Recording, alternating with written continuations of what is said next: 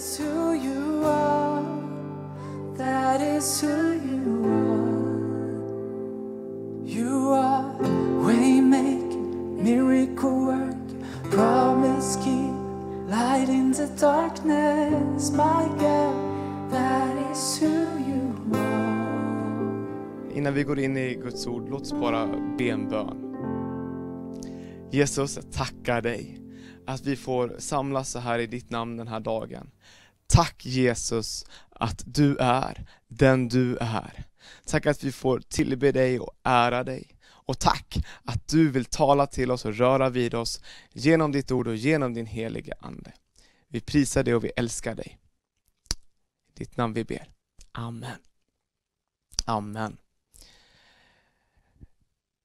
Hej! För dig som inte känner mig så heter jag Johannes och eh, jag har glädjen att jobba i den här kyrkan med ungdomar och unga vuxna. Idag så har jag ett härligt tema som jag skulle vilja dela med dig som heter Inifrån och ut. Jag tror att det här beskriver väldigt mycket hur Gud vill verka i våra liv och hur mycket av det han har skapat och det är även det vi som hans avbilder skapar funkar. Det här är ju lite sådär tvärt emot kanske hur vi som människor, men, människor eh, många gånger tänker och fun, fun, fungerar eller tror att saker fungerar. Vi kan ha, jobba med yttre påtryckningar och vi, vi försöker justera med, med yttre regler och anordningar. Men den verklig förändring och förändring på djupet sker bara i våra liv när vi låter det få gå liksom på djupet och det går, få, går liksom få gå inifrån och ut och inte tvärtom. Och som sagt, jag tror att det här är en princip vi kan se överallt. Det var så här, andas in, andas ut. Inifrån och ut. Och ska du få ett däck att rulla så behöver du få in luft i däcket. Så behöver du vill du mätta din hunger behöver du få i dig någonting. Det är liksom, det går inte bara att titta på, på maten liksom. Och likadant ska du ha en fungerande klocka här, så det viktigaste är ju inte att att en snygg urtavla utan att drivfjädern på insidan funkar som det ska, och det bara tickar på. Så inifrån och ut, jag tänker att det här är en princip som, som eh, vi verkligen kan se. Och jag tror att om vi ska tala om det här med det som finns på insidan av oss, som är liksom hunger och törst och, och vår djupaste längtan som verkligen finns på insidan, så tror jag att det verkligen är Guds vilja att få möta dig och mig på djupet och få komma på insidan och låta oss få bara bli så rotade i hans kärlek och bara få att han vill genom tron få att Jesus ska bo i våra hjärtan. Så talar Efesierbrevet 3 om. Så Inifrån och ut, det är det vi ska tala om idag. Och vi börjar med att titta på ett bibelord som jag tror att Jesus bluff, förbluffar lärjungarna med. Eh, det står så här i Lukas kapitel 17 och vers 21 att ingen kan säga här är det eller där är det. Nej, Guds rike är inom er. Och varför är det här förbluffande? Jo, man måste tänka lite så här, eh, sammanhanget just här och när Jesus talar till sina lärjungar. Israel är på den här tiden ockuperat av romarna. Och man, folket bara går och väntar på en befriare, en politisk befriare, en Messias. Och det är det Kristus betyder. Eh, men Jesus, han kommer och han får alla möjliga som följer honom. Bland annat så är det någon som är Selot som verkligen ivrar för att militärt störta romarna. Och, och, så att, men hela den här förhoppningen och förväntan att Jesus ska eh, på riktigt återupprätta Israel och göra det fritt tror jag ändå någonstans ligger och, och skvalpar lite under ytan hos alla lärjungar och de kanske hoppas på att få någon ministerpost här eller där. Det är bara att titta på, på bröderna som eh, skickar sin mamma till Jesus att få sitta till höger och vänster om honom i hans rike. Så här så omkullkastas lärjungarnas ta tanke tror jag, när de inser att okej, okay, Guds rike kommer inte komma synligt just nu, utan det är något som ska komma inifrån och ut på något sätt. Det finns inom oss. Och det här är ju så liksom något som verkligen förvånar. och, och som jag sa, jag tror att, att, eh, att eh, det finns ju liksom ingenting som kan tillfredsställa på djupet om det inte liksom får komma inifrån. Du kan vara ytligt lycklig men, om du, men det hjälper inte om du inte är på djupet glad. Och du kan ha sinnesro för en stund men om du inte på djupet har frid. Och ingenting av det här, frid eller glädje eller kärlek på, på djupet, på riktigt, finns utan Jesus. Det finns inte utanför honom. Han är källan till allt detta. Och därför så vill han få komma till dig och mig. Han vill få röra vid oss, han vill tala till oss och han vill förvandla oss inifrån och ut. Det är precis vad jag tror. Eh, han, han vill kunna tvätta och rena dig och mig på insidan. Han vill kunna läka dig och mig på insidan. Och vet du vad, det enda han behöver, det är att få fullt tillträde till oss. Han, vi behöver bara få öppna upp våra hjärtan så att han får komma in i varenda skrymsle och vrå och vara herre över hela våra liv. Ändå så är det som att vi på något sätt går på lögnen, den här destruktiva lögnen att inte ens Jesus ska kunna få se vårt verkliga jag. Och det gömmer vi, vart då? Jo, på insidan. Men Jesus vill komma åt din insida, ditt hjärta. Och han vill kunna få ta hand om din smärta. Det som gör ont, det, de sår du har fått genom livet, vill han kunna få läka, bara du släpper in honom. Det står att han förbinder de som har förkrossade hjärtan och läker deras sår. Det är den Jesus som jag tror på, som du tror på. Och det är den Jesus som verkligen vill lära känna dig och som vill att du ska få lära känna honom om du inte gör det. Så Jesus, han, han vill få verka i dig och mig. Och det är så Gud alltid jobbar. Han eh, verkar inifrån och ut. Det är därför Jesus också talar om att vi måste bli födda på nytt. För att det som är på vår insida måste få bli helt nytt. Han måste få göra om allting. Och det vill han göra. Det vill han göra. Eh, jag tänkte vi ska ta, ta och gå till en bibelberättelse idag eh, som verkligen visar på hur Jesus eh, botar en man. Men han börjar på insidan och sen kommer resten. Så han botar mannen inifrån och ut. Eh, och eh, vi ska gå till Markus evangeliet eh, kapitel 2 står så här eh, i vers 1 och vi läser hela berättelsen. Några dagar senare kom Jesus tillbaka till Kapernaum. När man fick höra att han var hemma samlades så många att de inte längre fick plats ens utanför dörren och han förkunnade ordet för dem. Då kom man till honom med en förlamad som bars av fyra män. När de för folkmassans skull inte kunde komma fram med honom till Jesus tog de bort taket över platsen där han var. De gjorde en öppning och sänkte ner bädden som den lame låg på.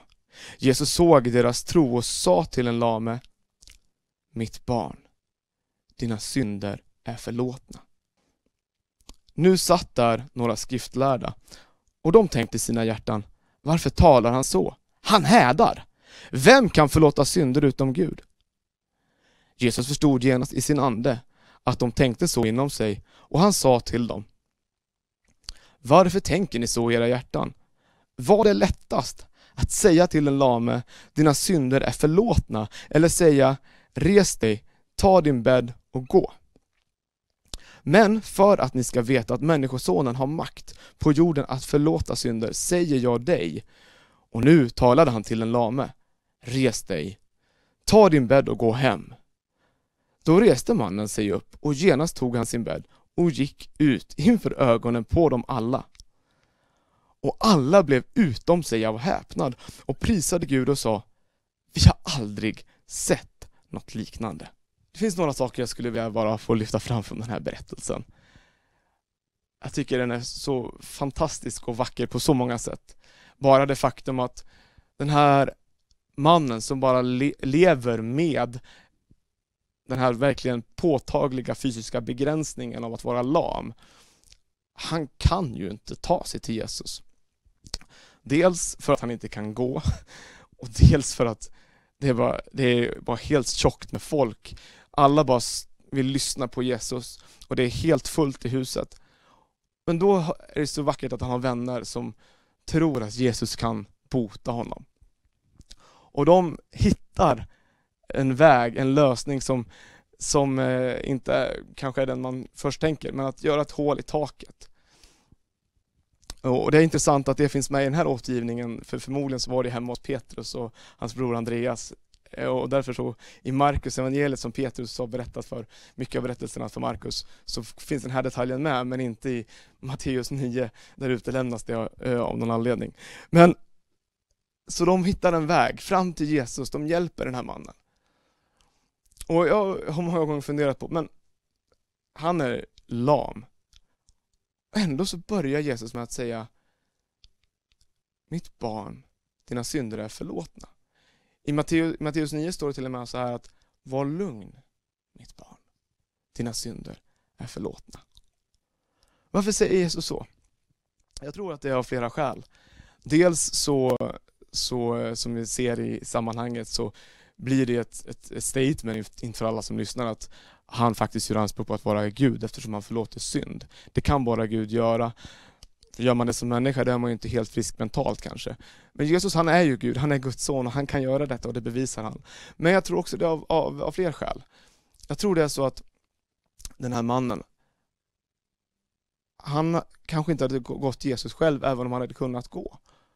Han kanske skämdes så mycket. Han kanske visste att synden jag har, den är så stor. Han var så medveten om det. Jag tror att det skulle kunna vara en, en sida också till varför Jesus, han bara, du är här nu. Du kan vara lugn. Mitt barn. Det är för mig också så vackert, för det är verkligen Guds faders kärlek som så är grunden för, vår, för allt i vår relation till honom. Och, och vare sig du känner Gud eller vill liksom bara lära känna honom mer så är ändå alltid grunden att vi bara vet att Gud är kärlek.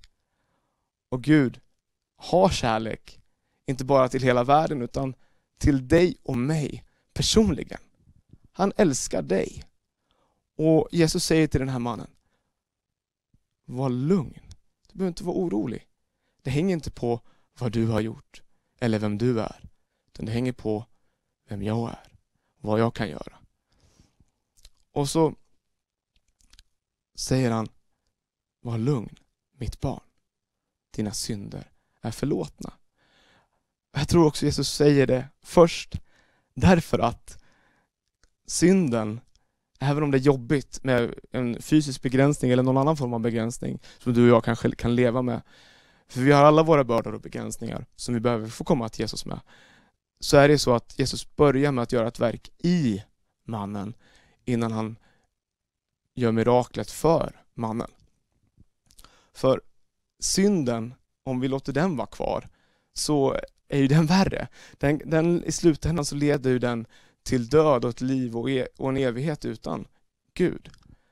Och därför så tar Jesus tur med den först. Och sen när han väl har gjort det, så säger han ju, men res dig, ta din bädd och gå.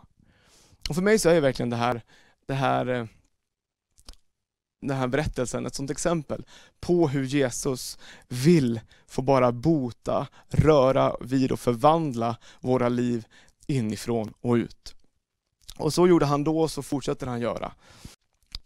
Jesus han sa att jag kom för att förkunna frihet för de fångna. Och frihet från någon form av begränsning, det är vad du och jag faktiskt är kallade till, som vi som tror på Jesus.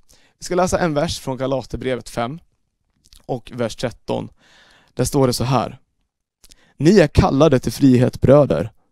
Låt bara inte den friheten ge köttet något tillfälle, utan tjäna varandra i kärlek.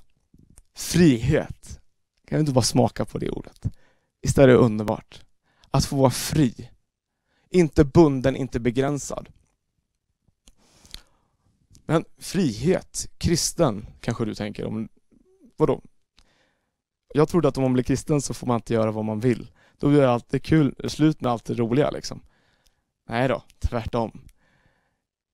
den sanna friheten handlar inte om att du och jag följer våra själviska impulser, utan den sanna friheten finns i tron på Jesus som leder till liv och kärlek. Då är vi fria att kunna tjäna andra och vi är inte bundna vid vår egen själviskhet. Men frihet eh, gäller ju hela våra liv och som jag var, lite varit inne på här tidigare, det kan vara så att du och jag, vi, vi bär med oss olika saker i bagaget. Saker som har varit jobbiga, saker som vi har gjort fel eller andra har gjort mot oss, som blir som en börda som vi går och bär på. Men jag tror att det finns frihet för dig och mig att inte vara bundna av backspegeln. Friheten finns på riktigt och den kan få verkligen bli verklighet i våra liv. Jag hörde en berättelse om en björn som som björnunge fångades in och eh, han hamnade på en cirkus och fick bo i en, i en bur på ungefär fyra gånger fyra meter. Och han käkade sopor och liksom det var hans, hans sätt att leva och det var ju långt under en björns värdighet och sätt, liksom det, som det är tänkt för en björn att leva. Så han vankade av han i den här buren. Sen så småningom så såldes han till en, till en djurpark och då fick han ju ha mycket större ytor och fick liksom leva i frihet. Men hans beteende förundrade eh, de som jobbade på djurparken för att trots att han hade jättestora ytor så vankade han av och an, av och an i den här arean av 4 gånger 4 meter. Så han var inte längre i en fysisk bur, men hans bur var här uppe. Och jag tror att ibland kan det vara så lite för dig och mig. Jesus han kommer för att verkligen förvandla oss och förändra oss och läka oss inifrån och ut. Men så är det som att vi ändå lever kvar i gamla tankemönster. Därför tror jag att det är så viktigt att vi låter Gud och hans ord och hans ande bara få för, förändra och förvandla vårt sätt att tänka. När vi slutar med att anpassa oss efter vår omvärld och istället förnya våra tankar efter Guds ord. Och om vi ska kunna leva i kärlek och tjäna andra så måste du och jag först verkligen bara få bli så trygga i Guds kärlek. Att vi vet att ja, jag kan vara lugn, jag är Guds barn. Och så bara få vara trygg i hans kärlek och när vi är uppfyllda av hans kärlek, liksom inifrån, så kan vi ge ut av hans kärlek. Romarbrevet 5 talar om att Guds kärlek är utgjuten i våra hjärtan genom den helige Ande. Och vi älskar därför att han först har älskat oss. Han är källan till kärleken.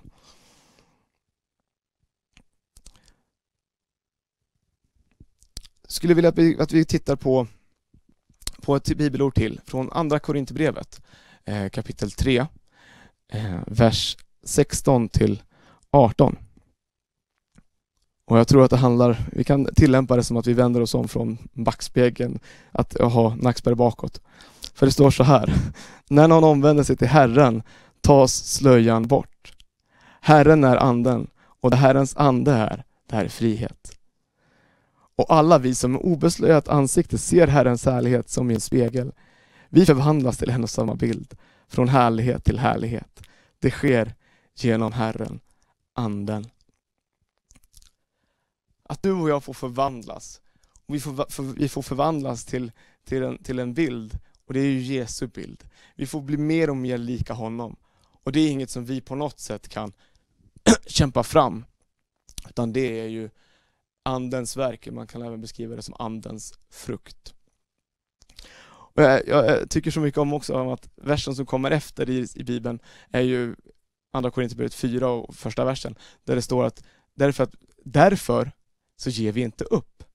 Därför att vi ser att det är Gud som verkar i oss. Vi ger inte upp. Och det leder sen då i sin tur till att Guds härlighetsljus får sprida sitt sken genom våra liv. Att Jesus får bli synlig i våra liv. Och Jag vill bara uppmuntra dig att tänk på att när vi lever livet med Jesus för att få bli mer lika honom, så hänger det inte på dig och mig, utan vi behöver bara ge honom fullt tillträde och låta den heliga Ande få göra verket i oss. Att då istället för att från vår insida att det får vara det som Jesus beskriver i Markus 7 som det som är av orenhet och ondska som kommer inifrån och det som är köttets gärningar i Galaterbrevet 5 istället får ersättas med andens frukt som bara får växa i våra liv. Och det sker ju helt och hållet inifrån och ut. Och därför så eh, vi skulle bara vilja eh, gå till ett sista bibelord här eh, och titta på Jesus som vårt exempel på någon som verkligen tjänar i kärlek. Det här är Paulus beskrivning i Filipperbrevet 2 och vers 3-8 ska vi titta på. Så ta din bibel och så går vi dit. Det står så här, jag läser faktiskt här från nu Bibelns översättning. Var inte själviska och försök inte imponera på varandra. Var ödmjuka och sätt andra högre än er själva. Tänk inte på bara vad som är bra för er, utan tänk också på andras behov. Ha samma inställning som Kristus Jesus hade. Fastän han till sin natur var Gud, ansåg han inte sin jämlikhet vara något att hålla fast vid. Nej, han avstod från allt, antog en tjänares gestalt och blev lik en människa. Till det yttre blev han människa. Han gjorde sig ödmjuk och lydde ända in till döden, döden på ett kors. Jesus, han är vårt främsta exempel på att vara en tjänare, att leva i ödmjukhet och kärlek. Jesus, han är Guds son. Han, om man nu ska snacka om position och status så har han det högsta tänkbara. Han är Gud. Han, men han tycker inte att det är viktigare än att kunna komma ner till jorden och bli människa för att frälsa dig och mig.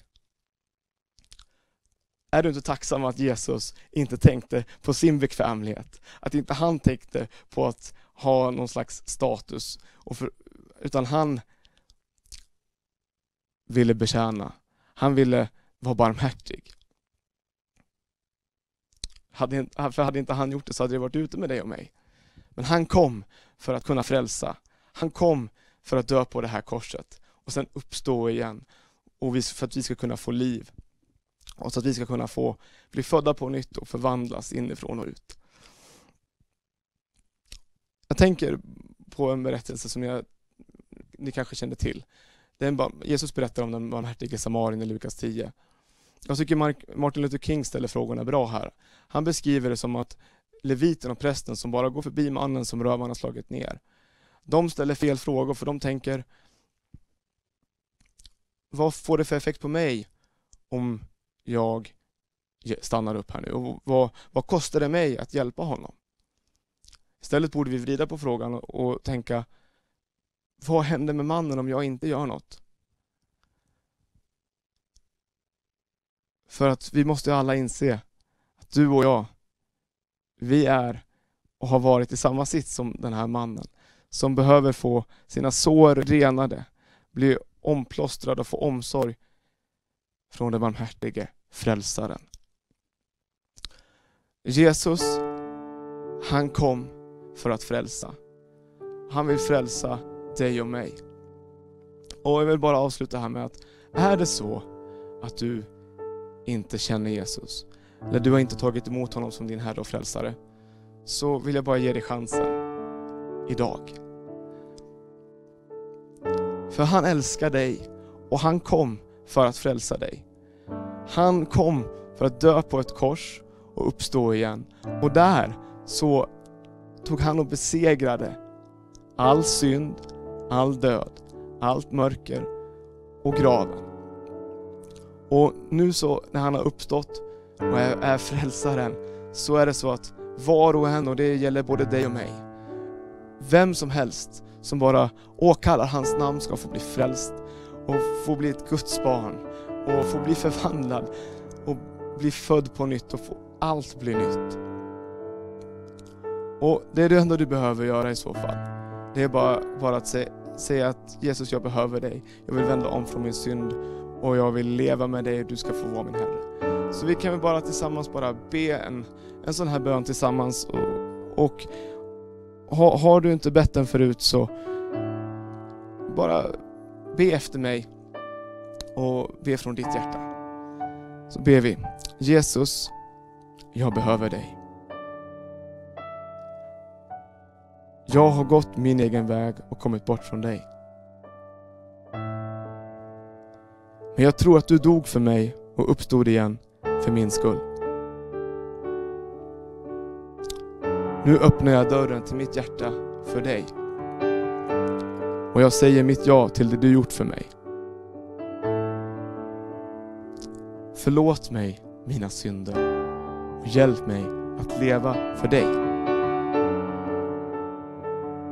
Jesus, du är min Herre, här och nu och resten av mitt liv. Tack för att du tar emot mig just nu och gör mig till ett Guds barn. Amen. Amen. Om du bad den här bönen, välkommen in i Guds familj. Kontakta oss gärna så hjälper vi dig vidare att ta nästa steg i din vandring tillsammans med Jesus.